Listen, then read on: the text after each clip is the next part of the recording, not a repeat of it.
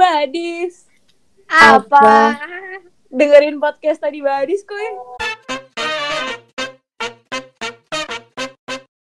Hai buddies. Welcome back to podcast Your Study Buddy. Jadi kita bakal Your Discussion Buddy dengan tema Sex Education. Jadi, Widih. Jadi kali ini bakal ada aku Live dan Aku Helen. Yang bakal diskusi tentang sex education. Jadi sebelum kita masuk ke sex education, aku bakal kasih tahu dulu pengertian dari edukasi seks. Jadi edukasi seks itu adalah kegiatan mengajar dan belajar mengenai berbagai topik yang berhubungan dengan seks dan seksualitas, mengeksplorasi nilai dan keyakinan tentang topik tersebut dan memperoleh keterampilan yang diperlukan untuk menavigasi hubungan dan mengelola kesehatan seksualnya sendiri.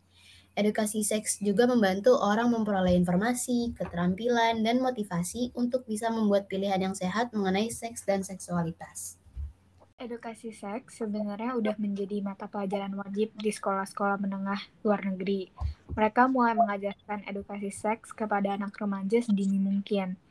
Hal tersebut tentunya hal yang bagus karena anak remaja sebenarnya masih membutuhkan tuntunan apalagi dalam hal seks yang apabila tidak diajarkan dengan baik bisa berakibat fatal terhadap perilaku mereka. Namun untuk di Indonesia eh, edukasi seks masihlah sangat tabu dan jarang diajarkan baik di sekolah maupun di lingkungan rumah. Bahkan banyak dari orang tua yang merespon uh, pertanyaan mengenai edukasi seks dengan mengalihkan pembicaraan alias uh, nggak ngejawab pertanyaan itu. Padahal topik mengenai seks atau seksualitas sebenarnya patut untuk diperbincangkan agar anak lebih mengerti tentang hal tersebut. Selain itu, akan jauh lebih baik jika anak-anak bisa menerima pengertian dan pendidikan seks dari orang tuanya langsung dibandingkan dari media digital yang saat ini sering menggiring anak-anak kita ke hal-hal yang negatif. Nah, terus baiknya edukasi seks dimulai dari lingkungan keluarga terlebih dahulu yaitu orang tua. Jadi orang tua bisa mengajarkan edukasi seks kepada anak sejak mereka berusia dua setengah tahun sampai tiga tahun. Tapi tetap perhatikan juga konten yang diajarkan. Jangan sampai kita memberikan edukasi yang berlebihan di saat anak seusia, itu belum memerlukannya. Kenapa seks edu sangat penting diajarkan kepada anak-anak? Karena yang pertama bisa menangkal efek buruk media dan lingkungan. Yang kedua, membangun kepercayaan antara orang tua dan anak.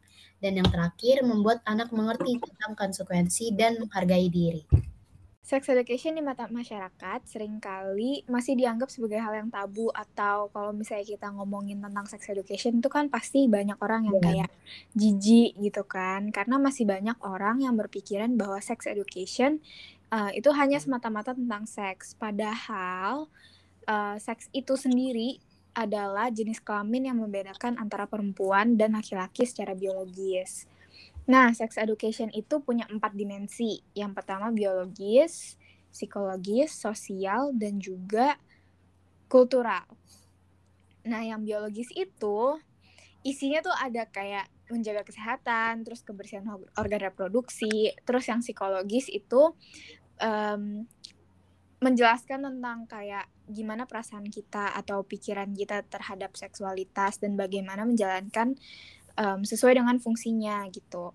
Terus yang dimensi sosial itu menjelaskan gimana uh, lingkungan turut berpengaruh dalam pembentukan pandangan kita.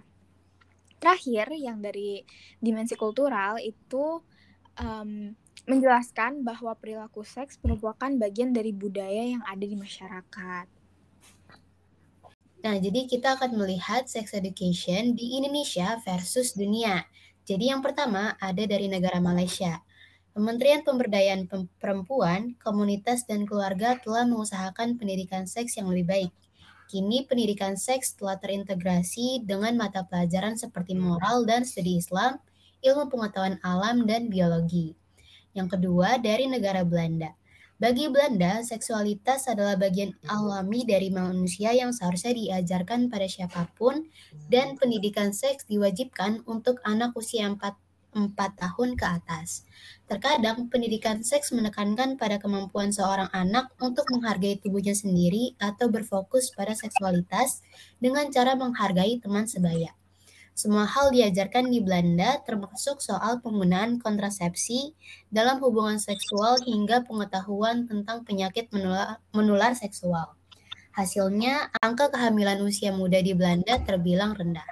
Yang terakhir, dari Indonesia, berbeda dengan Indonesia, pendidikan seks tidak termasuk ke dalam materi wajib, tetapi di luar kurikulum atau ekstrakurikuler.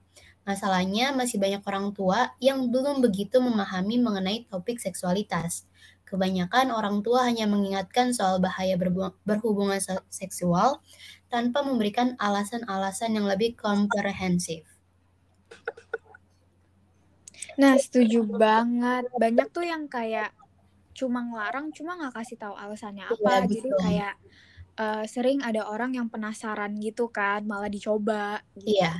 Padahal sex edu itu penting banget ya buat diajarin dan ditanamin dari anak-anak karena uh, semakin dewasa kita kan semakin ngerti tentang seksualitas tersebut. Jadi baiknya dari kecil sudah ditanamkan untuk uh, tentang seks edu ini biar saat gedenya tuh nggak nggak menyalahgunakan seks se seksualitas ini gitu.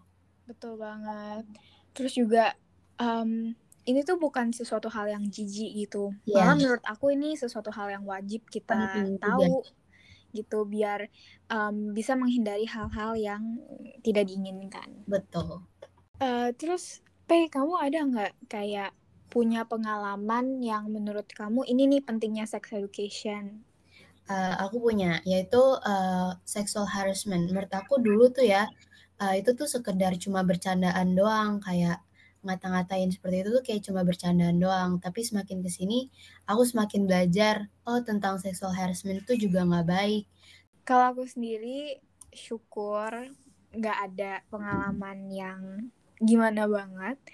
Cuma kayak sering dengar gak sih Pe um, orang-orang yang umur 14 itu udah hamil. Iya. terus kayak seumuran kita ini udah iya. nikah gitu kan. Jadi menurut aku uh, penting banget tuh untuk mencegah uh, hal-hal seperti itu. Pernikahan ini juga harus dicegah.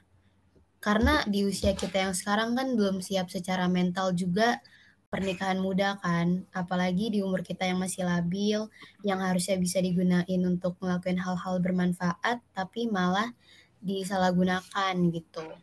Betul banget. Terus kita kan juga sekolah kita masih panjang, perjalanan yeah. kita juga masih panjang gitu kan. Masih banyak hal-hal positif yang bisa kita lakuin gitu. Bisa kita kejar juga.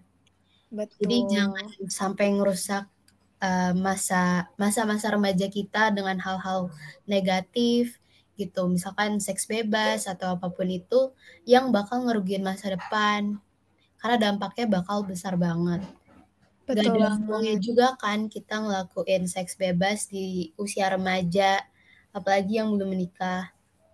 Hmm, betul banget setuju banget. Ya. dan perlu diingat juga kalau misalnya kita uh, hamil itu kita membawa satu nyawa tambahan ya, lagi banget. gitu. Jadi kalau misalnya emang kita belum siap secara mental, fisik dan lain-lain, um, kan? bukan cuma untuk kita doang, uh, kita juga bakal membah membahayakan calon kehidupan yang ada di dalam tubuh kita. Betul, betul. Oke, okay, sekian dulu ya uh, diskusi untuk kali ini mengenai sex education. Terima kasih yang sudah mendengarkan dari awal sampai akhir. Dan sampai jumpa. Sebelumnya kita bakal pantun dulu nih sebelum penutupan. Ke mana pagi-pagi? Cakep. Naik kereta sesudahnya. Cakep. Sampai bertemu lagi. Di episode selanjutnya. Dadah. Dadah. Dadah.